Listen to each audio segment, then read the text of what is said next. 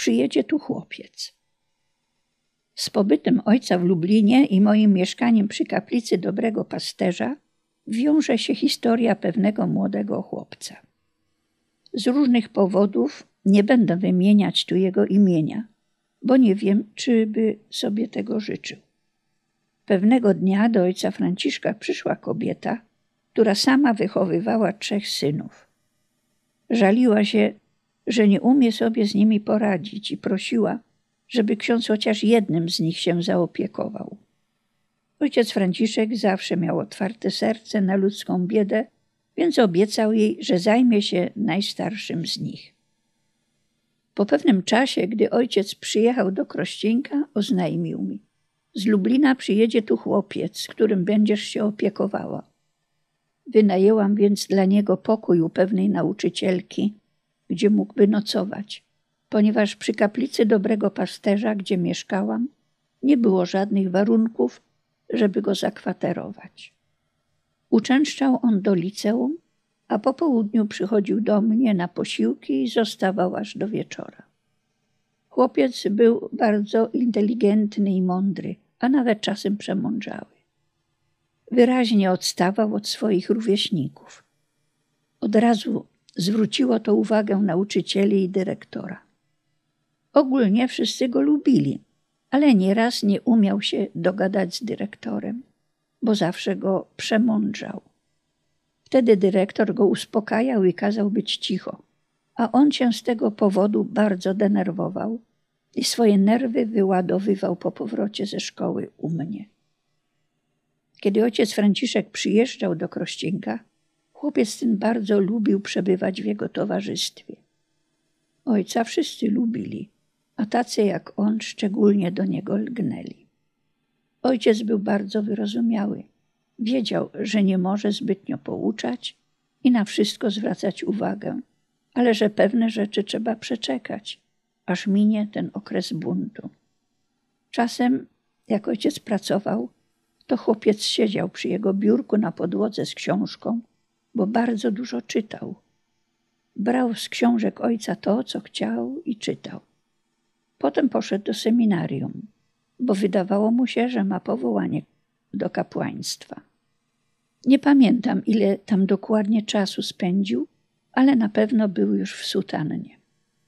Nie miał jednak powołania, więc seminarium zrezygnował i poszedł na inne studia, ale pozostał człowiekiem religijnym i praktykującym.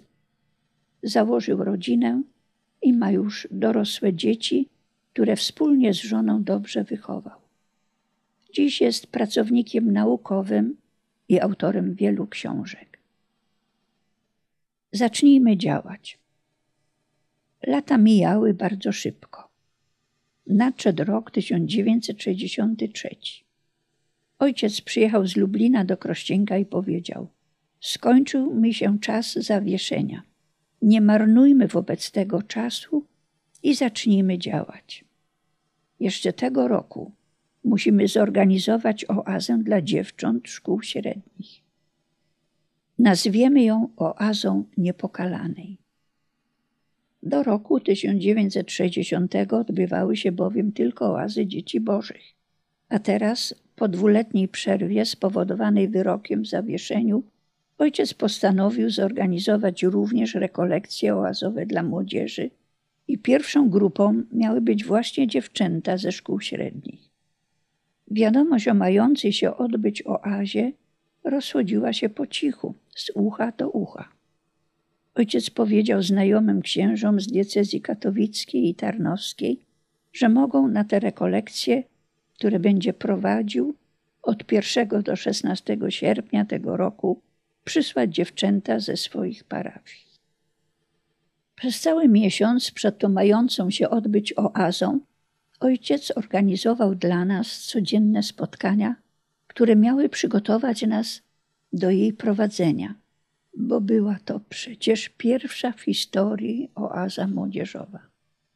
Musiałyśmy pozakładać sobie teczki, w których gromadziłyśmy potrzebne nam materiały.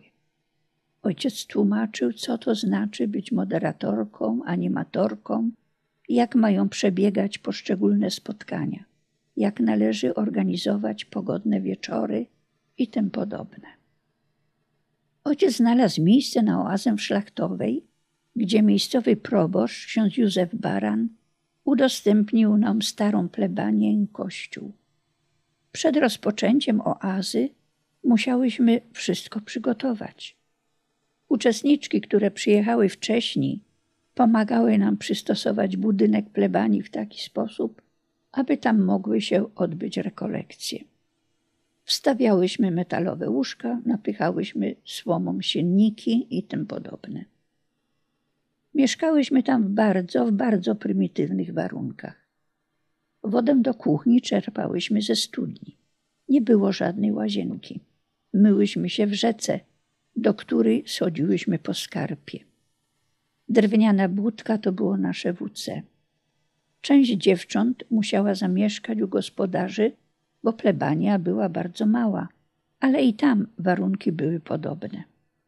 Początkowo dziewczętom było trudno dostosować się do tych prymitywnych warunków, ale dość szybko się zaaklimatyzowały i nie wyobrażały sobie, że mogłoby być inaczej. Zaledwie w kilka dni po rozpoczęciu oazy mieliśmy niespodziewaną wizytę. Byliśmy w sali, której jedne okna, a w zasadzie okienka, wychodziły na plac kościelny, a drugie na las. W pewnym momencie ojciec spojrzał przez okno i zauważył wjeżdżający na plac kościelny samochód. Zaraz się zorientował, co to za wizyta i powiedział do nas: Aha, nasi przyjaciele już są. Ja do nich wyjdę, a wy się sprzątnijcie. Wszystkie powyskakiwałyśmy przez okno wychodzące do lasu, a ojciec wyszedł do panów, którzy się wylegitymowali i oznajmili, że mają nakaz zlikwidowania tego dzikiego obozu. Ojciec powiedział im, że to nie jest żaden obóz, tylko rekolekcje. A oni na to, nic nas to nie obchodzi, mamy to zlikwidować. Jesteście w pasie nadgranicznym i nie wolno tu przebywać. Ojciec tłumaczył im, słuchajcie, naprawdę się wyprowadzimy i wyjedziemy, tylko te rekolekcje zakończymy. Nikt tutaj nie zostanie. Oni jednak nakazali nam natychmiast opuścić to miejsce i odjechali. Jednak dokończyliśmy nasze rekolekcje, chociaż panowie pojawili się jeszcze raz. Później ojciec niejednokrotnie nas pouczał, że mimo nakazów z własnej woli nigdy nie opuszczamy miejsca oazy, chyba że podstawią samochody i sami nas siłą wywiozą. Podobnie jak wcześniej dzieci, dziewczęta również bardzo dobrze przeżyły te rekolekcje. Wróciły odmienione i wewnętrznie ubogacone.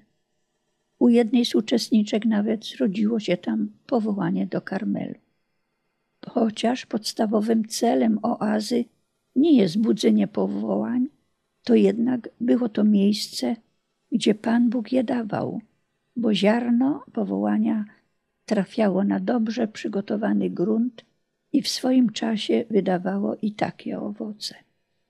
Były lata, że 40, a nawet 80% powołań do służby Bożej rodziło się właśnie w oazach. Kolejne takie rekolekcje. Wśród księży szybko rozeszła się wieść, że ksiądz Blachnicki zaczął na nowo działać i jak dobre owoce przyniosła pierwsza oaza dla dziewcząt. Zwracali się więc do niego, żeby zorganizował kolejne takie rekolekcje, bo oni także ze swoich parafii chcieliby wysłać na nie dziewczęta. Skoro była taka potrzeba, w roku 1964 ojciec postanowił zorganizować następną oazę dla dziewcząt. Powiedział jednak: Zmylimy przeciwnika. Szlachtowa jest z jednej strony Krościnka, a Tylmanowa z drugiej. Zapytał więc księdza proboszcza z Tylmanowej, czy nas tam przyjmie i użyczy dla oazy jakichś pomieszczeń. Proboszcz okazał nam bardzo dużą życzliwość. Dał do naszej dyspozycji salę parafialną, a nawet udostępnił kuchnię na plebanii. Mieszkaliśmy u ludzi tym czasie trwał Sobór Watykański II. Ojciec natychmiast czytał dokumenty wydawane na soborze w języku łacińskim i je tłumaczył. Wszystko, co dotyczyło liturgii, od razu wprowadzał w życie. Wiedział, że to, co zostało tam zatwierdzone, niedługo będzie obowiązywać w całym Kościele. Na przykład sprawowanie Eucharystii twarzą do ludu, które było jego pragnieniem już od pierwszych lat kapłaństwa. Wnosiliśmy więc codziennie do kościoła w Tylmanowej stół, żeby msza święta mogła być sprawowana w ten sposób. W oazie uczestniczyły innymi wspomniana już wcześniej przy okazji krucjaty dziecięcej Stasia Orzeł, siostrzenica ojca Franciszka Irena Kucharska, zwana Iką oraz Basia Badura. Okazało się, że i ta druga oaza była bardzo dobrze przeżyta przez uczestniczki i również zrodziły się tam powołania, jedno misyjne, a trzy do naszego instytutu. Basia, Stasia, Ika. Wybuduj tu dom. Po doświadczeniu tych dwóch dziewczęcych oaz, ojciec przeczuwał, że ta forma rekolekcji będzie się rozwijała. Dlatego uważał, że potrzebny jest nam własny dom, w którym będziemy mogli je organizować. My ciągle jeszcze mieszkaliśmy przy kaplicy dobrego pasterza. I kiedyś wyjeżdżając z Krościnka do Lublina, ojciec rzucił do mnie takie hasło: Wybuduj tu dom. I pojechał. A ja to potraktowałam jako żart. A ojciec, gdy po pewnym czasie przyjechał, zapytał mnie: No i co z tym domem? To pytanie wydawało mi się śmieszne, więc tylko wzruszyłam ramionami. Ojciec ten gest zrozumiał i powiedział: No tak, na czym go miałaś wybudować, jak nie było parceli? Wiesz co? To najlepiej kupimy dom, bo wtedy nie trzeba się już będzie martwić o parcelę. Musimy się rozglądnąć, czy tu, w Krościńku, jest coś do kupienia. Ojciec wiedział, że z szukaniem domu do kupienia nie ma na co na mnie liczyć, bo ja traktowałam to jako bajki. Pomyślałam sobie też coś. Kupić dom. Ojciec student, my studentki, a dodatkowo ja chora w tym krościńku. Grosza nikt nie ma. Nikt nie zarabia, a tu mamy jeszcze kupować dom. To było dla mnie śmieszne. Sam zaczął się więc rozglądać. Zapytał też księdza proboszcza, czy nie zna przypadkiem kogoś, kto ma tu dom na sprzedaż. Proboszczowi przypomniało się, że jest taki dom na tak zwanej kopii górce. Widzieć dziurę w całym. Ojciec się ucieszył i, jak miał to w zwyczaju, nie odkładając na później, natychmiast poszedł do właściciela z zapytaniem, czy to prawda, że chce sprzedać ten dom.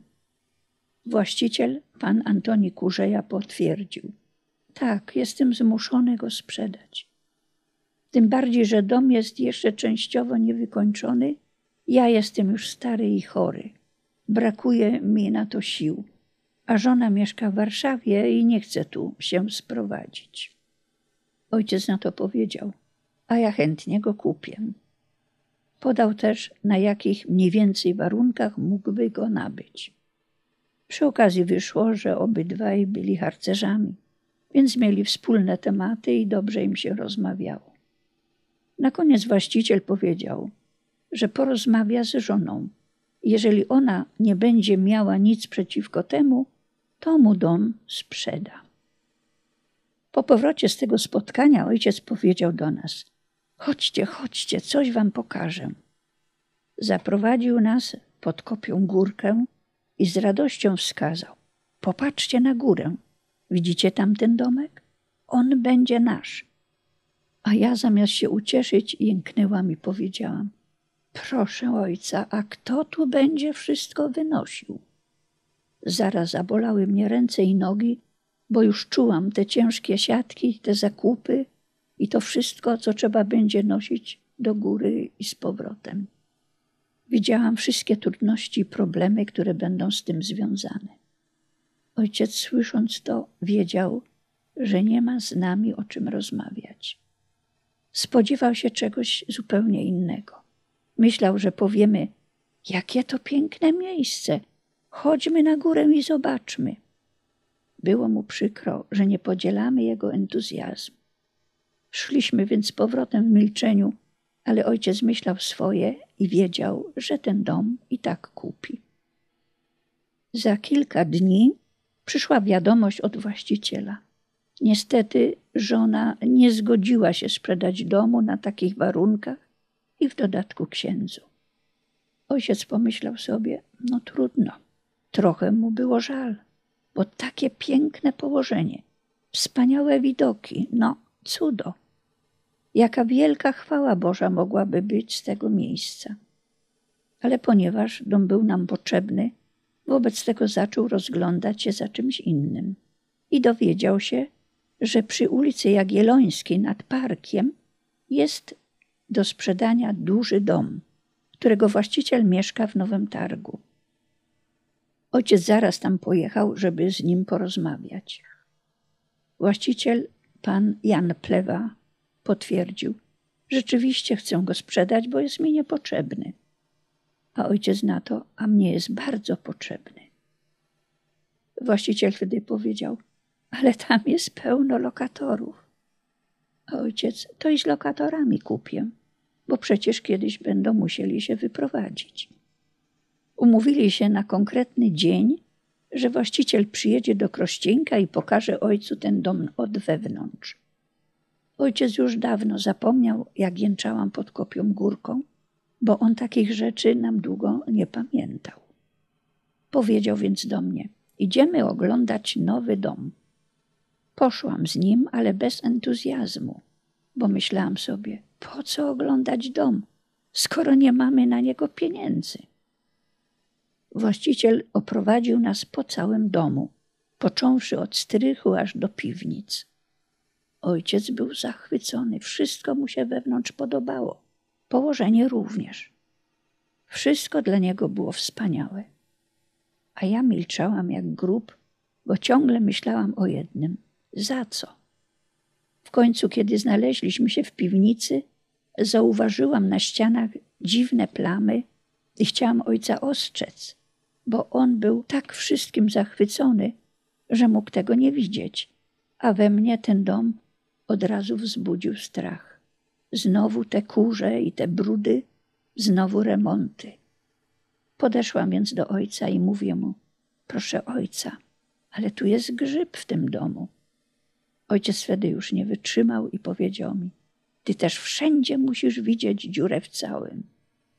No i ja się obraziłam, bo myślałam, że jestem taka bystra, że ojcu zwróciłam uwagę na to, czego on mógł nie dostrzec, a on mnie tak podsumował. Ojciec umówił się z gospodarzem co do kupna i wróciliśmy do domu. I znowu po drodze nie mieliśmy o czym rozmawiać. Kilka dni po naszej wizycie na Jagiellońskiej przyszła kolejna wiadomość od właściciela domu na Kopigórce, że jego żona się namyśliła i może ten dom księdzu sprzedać. Powstał więc problem, na który z tych domów się zdecydować. Ojciec nas zebrał i pokazał zdjęcia obu domów i zapytał, który chcecie, żebyśmy kupili? Ten na górce czy ten przy parku? Który wam się lepiej podoba? Zapadła cisza, bo wszystkie myślałyśmy to samo. Za co? Ojciec domyślał się, dlaczego milczymy i sam powiedział: No tak, właściwie to nad czym się zastanawiamy. Pieniędzy nie mamy ani na ten, ani na ten. Wobec tego kupujmy obydwa i mamy problem z głowy. Bo co jest lepiej kupić? Jeden dom bez pieniędzy, czy dwa domy bez pieniędzy? Ojciec wiedział, że skoro te domy są nam potrzebne, to Pan Bóg na pewno przyjdzie nam z pomocą. Trzy dożywocia. Dom przy ulicy Jagiellońskiej kupiliśmy notarialnie w październiku 1964 roku na moje nazwisko. Na razie nie musieliśmy się martwić o pieniądze, bo płatność była rozłożona na raty. Z domem na Kopii Górce nie było tak prosto, bo kiedy ojciec chciał z właścicielem pójść do notariusza, pan Antoni powiedział: Nie możemy tam iść, bo na budowę tego domu wziąłem dużą pożyczkę z banku i dopóki jej nie spłacę, nic u notariusza nie załatwimy. Ojciec na to odparł: No to spłacimy pożyczkę. Okazało się, że to była bardzo duża kwota, a on mówił tak, jakby te pieniądze miał już w kieszeni. Wiedział jednak, że musi tę pożyczkę spłacić. Poszedł więc do księdza Krzana i powiedział: Księże proboszczu, kupuję dom. Mam już wszystko załatwione. Został mi tylko jeden drobiazg. Nie mam pieniędzy. Proboszcz na tyle znał ojca Franciszka, że się nie zdziwił, ale zaczął się zastanawiać razem z nim, skąd by pożyczyć tyle pieniędzy. Księdzu Krzanowi przypomniało się, że zna jednego proboszcza, księdza Jana Podczerwieńskiego, który pochodził z Krościenka, a pracował w diecezji opolskiej w miejscowości Jełowa. Ksiądz Jan zawsze mu mówił, że na emeryturę chciałby tu wrócić, więc planował sobie coś w Krościenku kupić albo wybudować. Księża doszli do wniosku, że jeżeli ksiądz Podczerwieński poważnie myślał o kupnie jakiegoś domu, to musiał mieć oszczędności. Ojciec poprosił więc o adres do niego i zaraz tam pojechał. Przedstawił się i powiedział, że od księdza Krzana dowiedział się o jego planach na przyszłość. Zapytał, czy to prawda. Kiedy ksiądz Jan potwierdził, ojciec powiedział mu z kolei o swoich planach i o tym, że on już ma dom w Krościńku. Zapytał, czy nie zechciałby zamieszkać tym razem z nim. Ksiądz Jan zastanowił się i stwierdził, że to niezła myśl. Ojciec wtedy powiedział mu: Powstał pewien problem, bo niespłacona przez właściciela pożyczka uniemożliwia spisanie aktu notarialnego, a ja w tej chwili nie mam pieniędzy. Ksiądz Jan, dowiedziawszy się o wysokości tej pożyczki, pomyślał jeszcze chwilę, po czym wyjął książeczki oszczędnościowe. Gdy sumowali wszystkie kwoty, okazało się, że starczy na spłatę. Książeczki te były na okaziciela, więc ksiądz Jan dał je ojcu, aby on pobrał z nich pieniądze, spłacił pożyczkę i załatwił sprawę u notariusza. Pomiędzy sobą księża spisali odręcznie umowę, w której ojciec zaznaczył, że dom na Kopigórce będzie kupiony na nazwisko księdza Podczerwieńskiego, a ojciec będzie jego administratorem, ponieważ w przypadku, gdyby właścicielem miał zostać ojciec, władze mogłyby skorzystać z prawa pierwokupu i dom mógłby przepaść. Ksiądz Poczerwieński poprosił, żeby w tej umowie również zapisać prawo mieszkania w tym domu do końca życia dla niego i jego gospodyni, czyli tak zwane dożywocie. Ponieważ pan Antoni Kurzeja również zastrzegł sobie prawo mieszkania na Kopii Górce do końca swoich dni, więc w sumie w tym małym domku zapisano aż trzy dożywocia. Trudno to sobie wyobrazić, bo przecież chciał tam również zamieszkać ojciec Franciszek, a sam dom miał służyć oazą. Ojciec jednak na wszystko się zgodził i wszystko podpisał, bo uważał, że skoro tak Pan Bóg to układa, to nie ma czego teraz roztrząsać. Gdybyś ty wiedział. Ojciec pobrał pieniądze z książeczek oszczędnościowych księdza Jana, ale teraz trzeba było szybko jechać z nimi do Krakowa, żeby spłacić pożyczkę w banku. Następnego dnia miała bowiem przyjechać żona właściciela i wszyscy razem u notariusza mieli podpisać umowę. Ojciec zawołał mnie i powiedział: Słuchaj, jeszcze dzisiaj pojedziesz do Krakowa. Tam poszukasz sobie jakiegoś noclegu. Jutro rano musisz być pierwsza w banku, żeby spłacić pożyczkę. Zaraz potem wracaj do Krościnka, bo z Warszawy przyjeżdża żona właściciela i jeszcze tego samego dnia musimy być u notariusza. Bardzo ucieszyło mnie to, że przez trzy godziny nie będę musiała nic robić, tylko siedzieć w autobusie. Cała szczęśliwa jechałam do Krakowa i rozkoszowałam się tą bezczynnością. Myślałam o różnych rzeczach, czasem trochę drzemałam, a tę dużą sumę pieniędzy trzymałam na kolanach w mojej torebeczce. Nagle otworzyłam oczy i z przerażeniem stwierdziłam, że nie mam torebki. Skamieniałam. Myślałam, że umrę.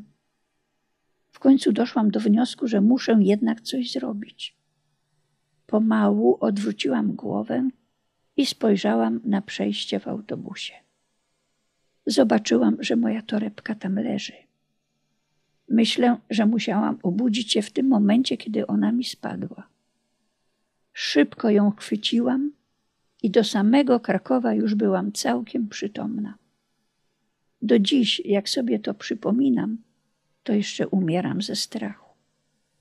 Przecież każdym wychodząc z autobusu mógł sobie tę moją torebkę podnieść i z nią wyjść. Na szczęście Pan Bóg nie chciał, żebym wtedy umarła. Ojciec Franciszek do końca życia nie wiedział o tej przygodzie. Nie powiedziałam mu o tym, żeby się nie załamał, że miał taką lekomyślną współpracownicę. Teraz już wie, bo w niebie się wie wszystko.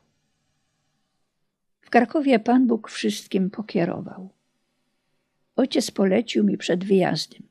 Idź najpierw do sióstr, może u nich przenocujesz. U sióstr jednak nie znalazłam noclegu.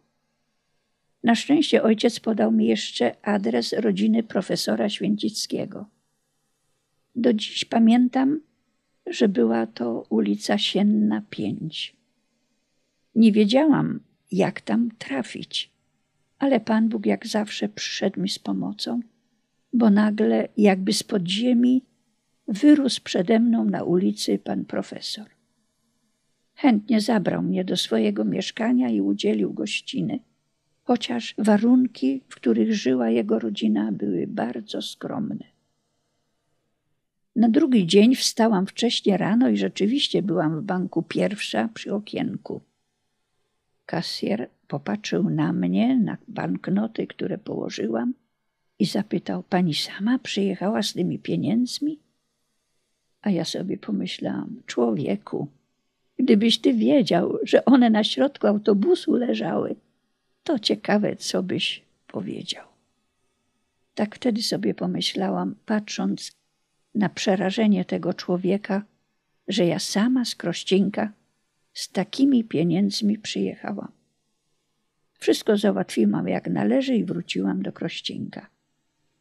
Ojciec z właścicielami poszli do notariusza, załatwili sprawy i od listopada 1964 roku dom na Kopii Górce był już nasz. Nie możemy go niepokoić. I tak w ciągu miesiąca zostaliśmy właścicielami dwóch domów na Kopigórce i przy ulicy Jagiellońskiej. Warto zauważyć, jak Pan Bóg sam działa, jak pisze na krzywych liniach, jak wykorzystuje dla naszego dobra nawet ludzkie słabości. Gdyby żona właściciela domu na Kopigórce od razu zgodziła się go ojcu sprzedać, nie szukałby drugiego, bo przecież nie miał pieniędzy. A Pan Bóg jednak wiedział, że na początek koniecznie potrzebne będą nam przynajmniej te dwa domy. I dlatego posłużył się niezdecydowaniem tej kobiety. My jednak nadal mieszkaliśmy przy kaplicy dobrego pasterza. Dom przy ulicy Jagiellońskiej był cały zajęty przez lokatorów, a na Kopigórce mieszkał pan Antoni Kurzeja, który chorował na raka płuc. Ojciec uważał, że w takiej sytuacji nie możemy go niepokoić i mu się tam nieraz wprowadzać. On potrzebował spokoju i opieki. Powiedział mi: Chodź do niego, żeby nie czuł się opuszczony. Nie mogłam przesiadywać u pana Antoniego całymi dniami, ale przychodziłam na parę godzin, więc żeby miał zajęcie, zapytałam go kiedyś, czy nie przynieść mu jakieś książki do czytania. Wtedy on mi odpowiedział: Ja nie czytam byle czego. Ja czytam tylko poważne rzeczy. I zaczął mi opowiadać. Przeczytałem taką pracę naukową, w której jest mowa, że nastaną czasy, kiedy ludzie będą rodzić się z probówki. Jak będzie ich już dużo, dojdzie między nimi a zwykłymi ludźmi do walki, ponieważ ludzie z probówki będą pozbawieni uczuć, które posiadają ludzie poczęci i urodzeni w sposób naturalny. A był to rok 1964. Ja sobie pomyślałam wtedy, to on dopiero bajki czyta, a ja tu mu chciałam takie święte książki przynieść. W tym czasie do nas do Krościnka przyjechał młody człowiek, Artur Zaręba, który chciał zastanowić się nad swoim dalszym życiem. Właśnie on w ostatnim okresie tej ciężkiej choroby pana Antoniego przychodził do niego i opiekował się nim. Pomagała mu w tym jedna z nas, Zyta Kocur. Trwało to aż do momentu, gdy przyjechała żona pana Kurzei i przewiozła go do szpitala w Nowym Targu. Tam pan Antoni wcześniej zaopatrzony sakramentami świętymi zakończył swoje ziemskie życie w samą Wielkanoc. 18 kwietnia 1965 roku. Po śmierci pochowaliśmy go na cmentarzu w Krościenku. Artur po pewnym czasie wyjechał od nas, wstąpił do seminarium i został kapłanem. Twój pierwszy mebel. Po pogrzebie pana Kurzei ojciec powiedział, a teraz proszę sprowadzić mi natychmiast robotników. Trzeba szybko wykończyć te pokoje, bo jeszcze w tym roku musi się tu odbyć oaza dla kapłanów. W niektórych pokojach bowiem nie było jeszcze podłóg. Mniej więcej w tym samym czasie ojciec Franciszek postanowił wysłać Józefa Jaroszka na przeszkolenie do pewnego ogrodnika, żeby mógł się potem zająć zagospodarowaniem terenu zielonego wokół domu na Kopigórce. Niestety nasz ziutek obraził się na ojca, bo odebrał to tak, jakby chciał się on go pozbyć i przez długi czas w ogóle nie pokazywał się w Krościenku. Tymczasem również z domu przy ulicy Jagiellońskiej zaczęli wyprowadzać się lokatorzy. Już wcześniej, bo w grudniu 1964 roku w jednym ze zwolnionych przez nich pokoi zamieszkał ten chłopiec, o którym już wspominałam, a którego ojciec powierzył mi na wychowanie. W okresie Adwentu przydarzyła mu się tam zabawna przygoda. Lubił on uczestniczyć we mszach świętych roratnich, które wtedy były odprawiane w Krościenku o godzinie szóstej rano. Pewnego dnia obudził się, spojrzał na zegarek i wydawało mu się, że już dochodzi właśnie godzina szósta. Zerwał się, więc z łóżka włożył coś na siebie i szybko wybiegł z domu. Gdy przechodził przez park, napotkał jakiegoś pana z psem, który odezwał się do niego: Chłopcze, dokąd tak biegniesz? A on mu na to: Na roraty. Wtedy ten pan powiedział: Przecież dochodzi dopiero północ. Kiedy mój wychowanek to usłyszał, przestraszył się i szybko zawrócił do domu. Poszedł z powrotem do łóżka, ale tego dnia na roratach już nie był. Podczas remontu domu na Kopiej Górce zamieszkał w nim Jan Kurzyb. Był to młody człowiek, który dopiero co zakończył służbę wojskową. Szukał on swojej drogi życiowej i ktoś skierował go do ojca Franciszka. Ojciec go przyjął i zaraz znalazł dla niego zajęcie. Jeżeli chodzi o dom przy ulicy Jagiellońskiej, to pierwszy lokator opuścił mieszkanie na piętrze w kwietniu 1965 roku. Wtedy od razu pomyślałam, że teraz potrzebne są nam jakieś meble, żeby móc tam zamieszkać. Kiedy ojciec przyjechał do nas z Lublina, powiedziała mu, że potrzebujemy na te meble jakichś pieniędzy. Ojciec nic nie odpowiedział, tylko pojechał do Nowego Targu. Jak się okazało, kupił tam figurkę Matki Bożej. Były wtedy akurat moje imieniny. Składając mi życzenia, podał mi tę figurkę ze słowami: To jest twój pierwszy mebel do nowego mieszkania. Z urządzaniem jadalni nie było problemu, bo były tam jeszcze stare meble po poprzednich właścicielach. Kuchnię i sypialnię musiałyśmy urządzić same. Przewieźliśmy tam stare metalowe łóżka, te same, na których spałyśmy jeszcze w Katowicach w baraku, ale szafę na ubranie i meble do kuchni musieliśmy zakupić. Pieniądze znalazły się jak zwykle, dzięki Bożej opatrzności. Kiedy meblowanie zostało już jako tako zakończone, pod koniec kwietnia 1965 roku przeniosłam się tam z mieszkania przy kaplicy Dobrego Pasterza i zameldowałam na stałe. Wszyscy się cieszyli, że w końcu jako wspólnota mamy własne mieszkanie. Dom przy ulicy Jagiellońskiej znajdował się w dużym ogrodzie, którym zaczął zajmować się wspomniany wcześniej Jan Kurzyb. Uprawiał on tam przeważnie różne jarzyny, z których w przyszłości korzystaliśmy również do przygotowywania posiłków dla uczestników oaz. Jan zapoznał wkrótce w Krościńku Małgorzatę Kocur, siostrę naszej Zyty, z którą po kilku latach się ożenił i wyprowadził się do niej do Rydultów. Mam się w czym umyć. Tymczasem, tak jak ojciec Franciszek postanowił, zaraz latem 1965 roku w domu na Kopii Górce odbyła się pierwsza oaza kapłańska. Warunki były bardzo skromne i bardzo proste, bo przecież ten dom nie był na to w ogóle przygotowany.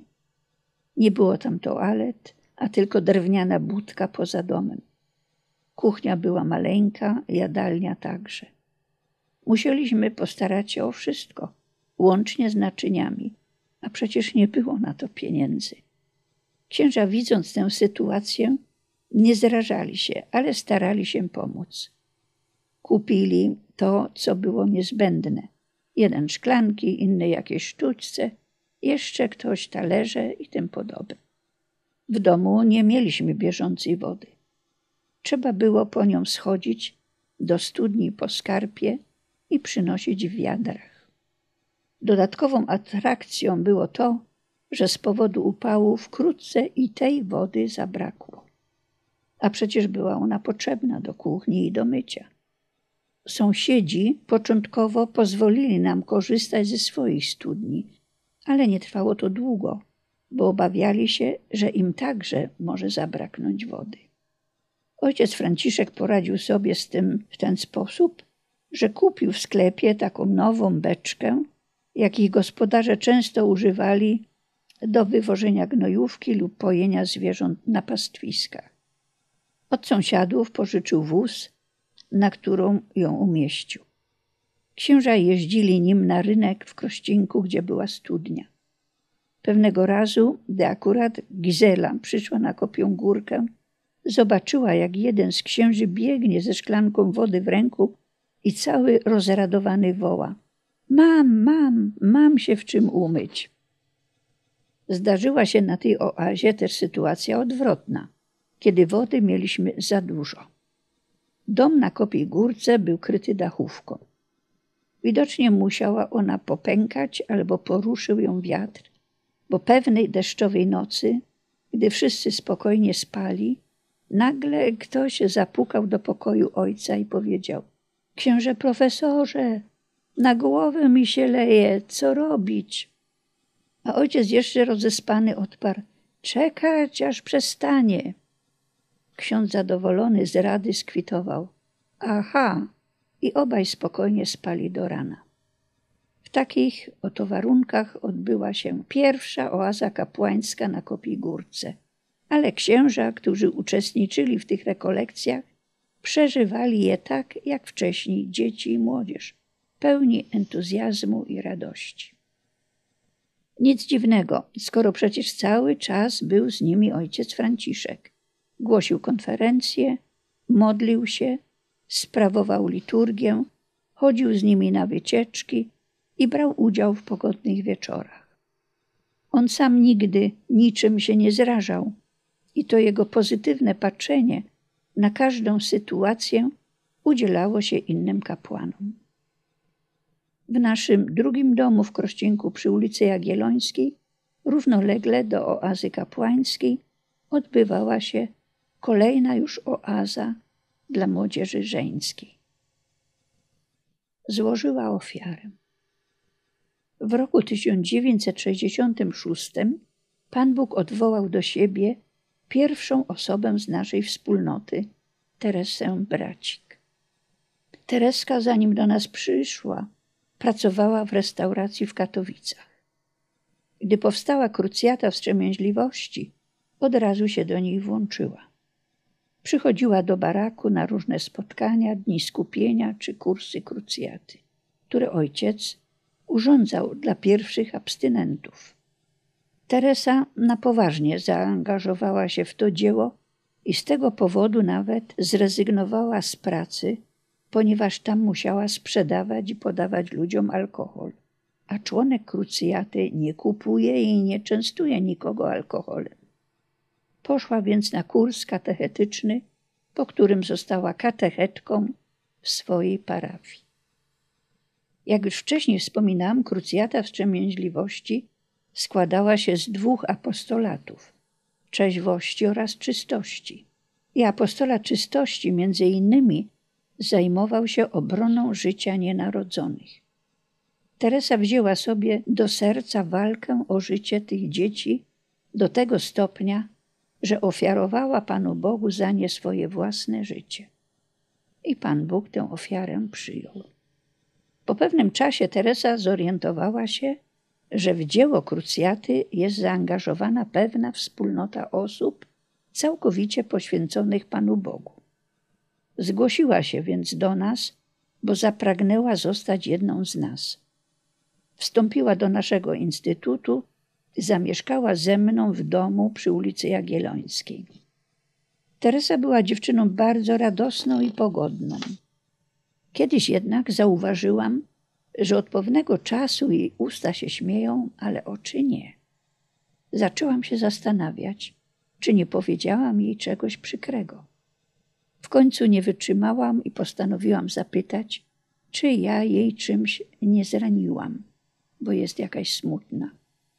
Ona wtedy prawie się rozpłakała i pokazała mi guza na piersi, który wyglądał jak duża czarna śliwka. A ona go ciągle ukrywała i nikomu do tej pory o tym nie mówiła, ponieważ uważała, że to Pan Bóg przyjął złożoną przez nią ofiarę za życie nienarodzonych dzieci.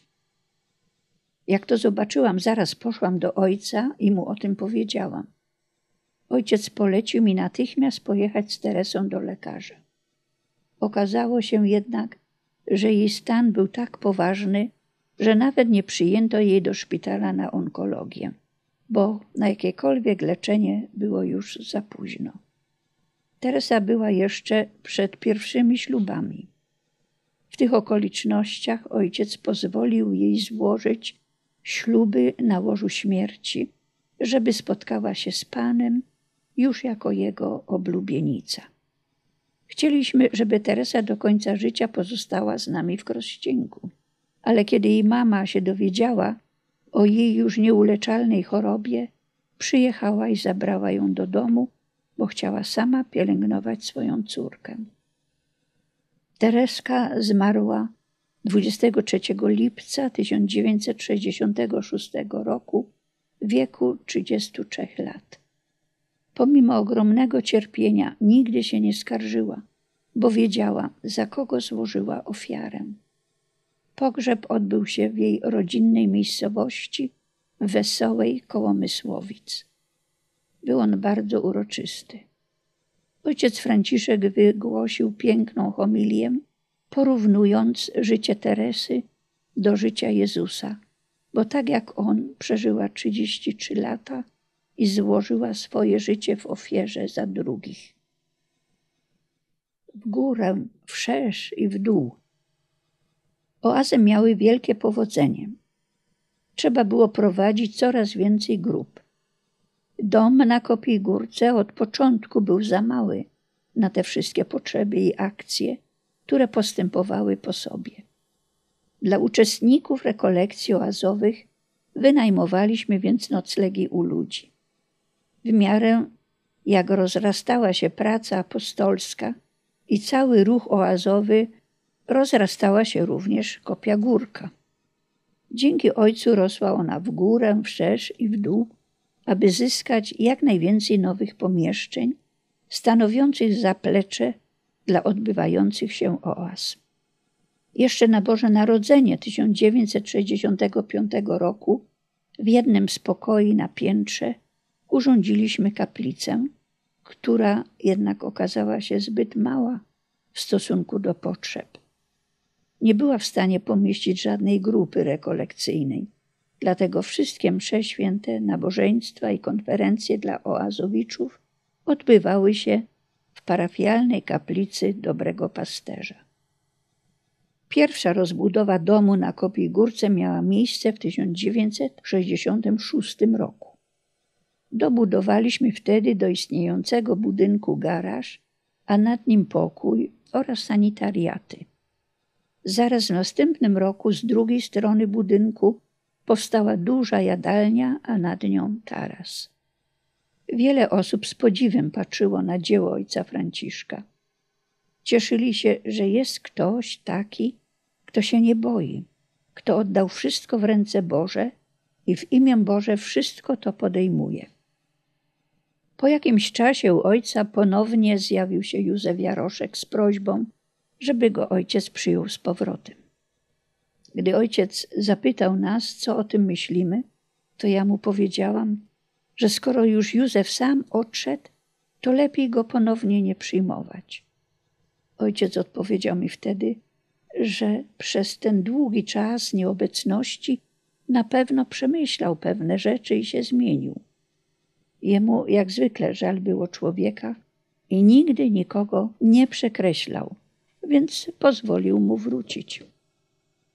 Po powrocie Józef rzeczywiście całym sercem zajął się roślinnością wokół naszego domu. Praktycznie sam zagospodarował teren Kopigórki.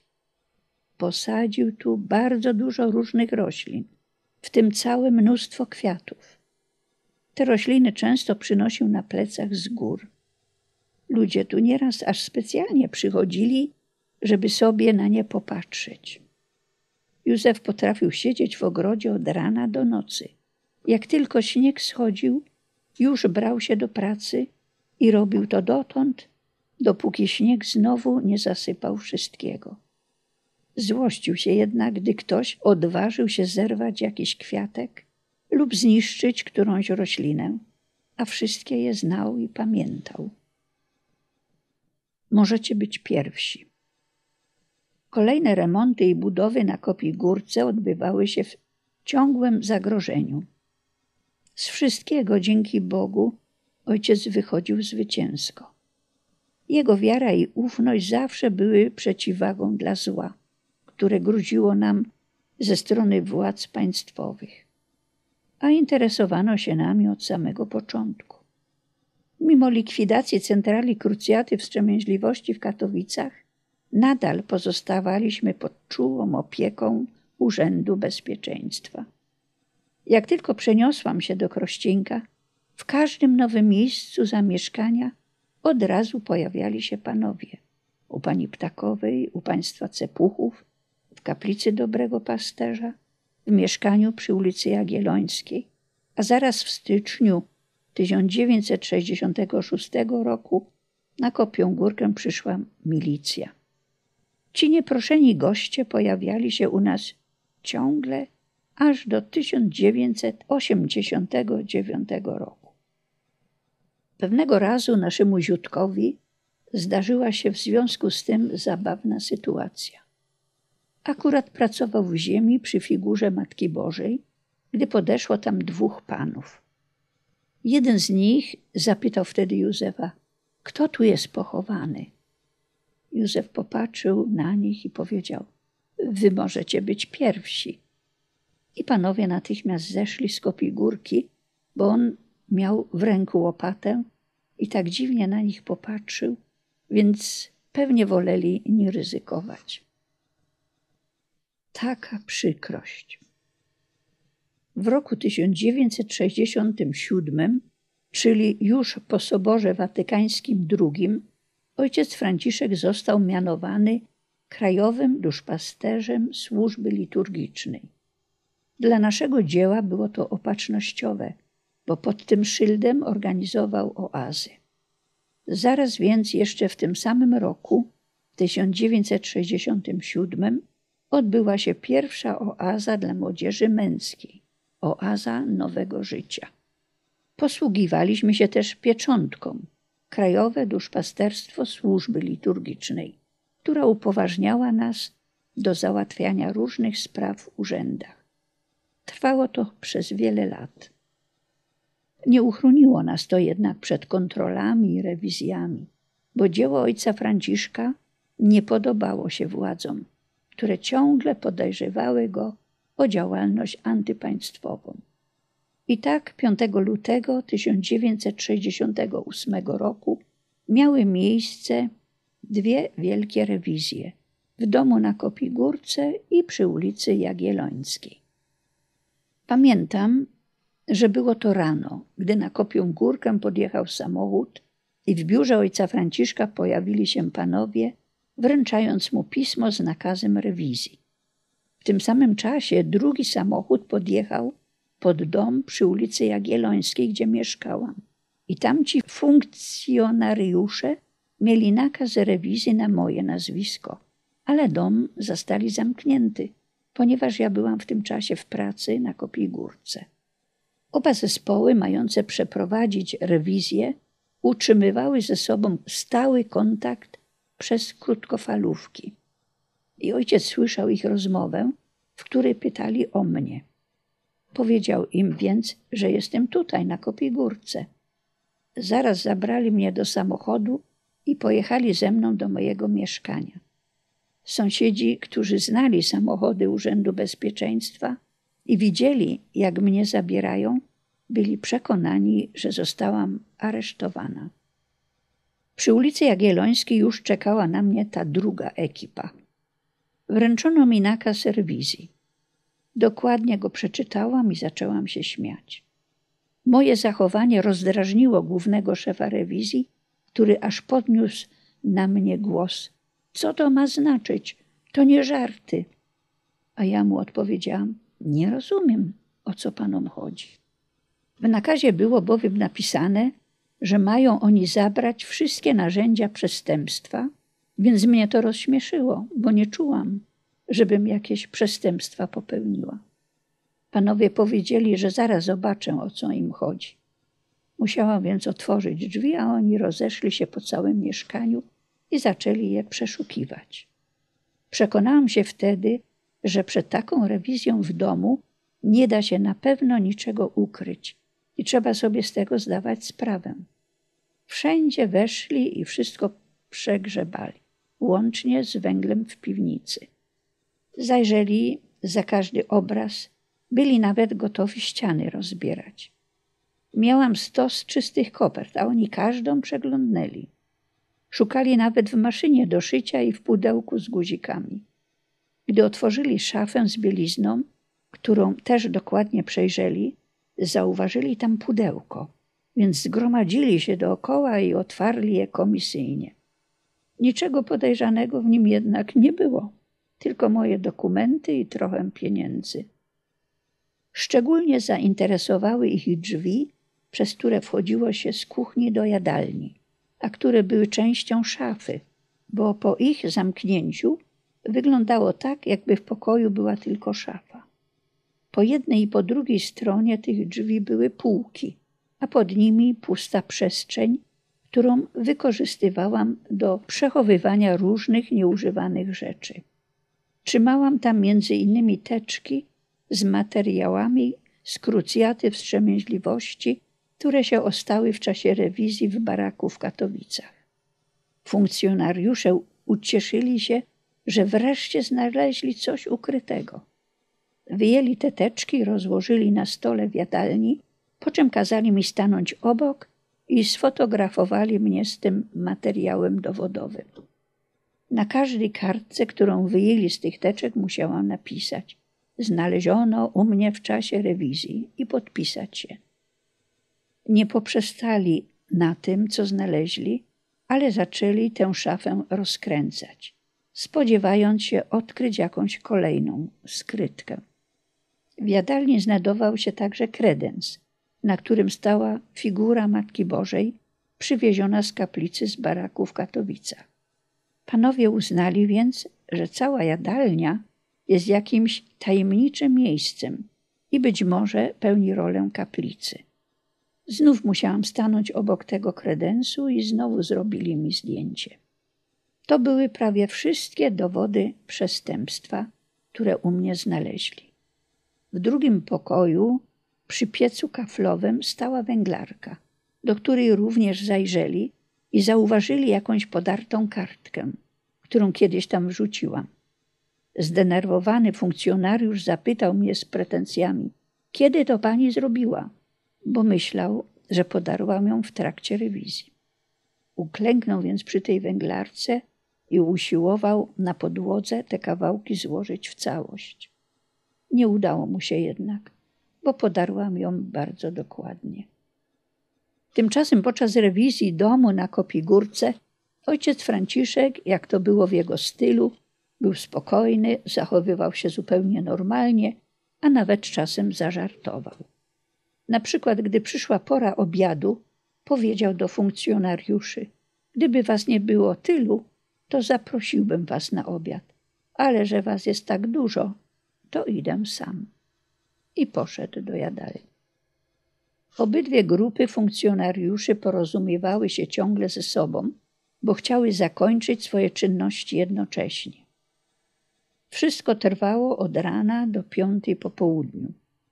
Datę tego zdarzenia pamiętam tak dobrze do dzisiaj, bo było to dzień przed moimi imieninami. Zwrócili na to uwagę sami panowie, którzy w trakcie rewizji kilkakrotnie powtarzali: Jutro pani imieniny, a tu taka przykrość.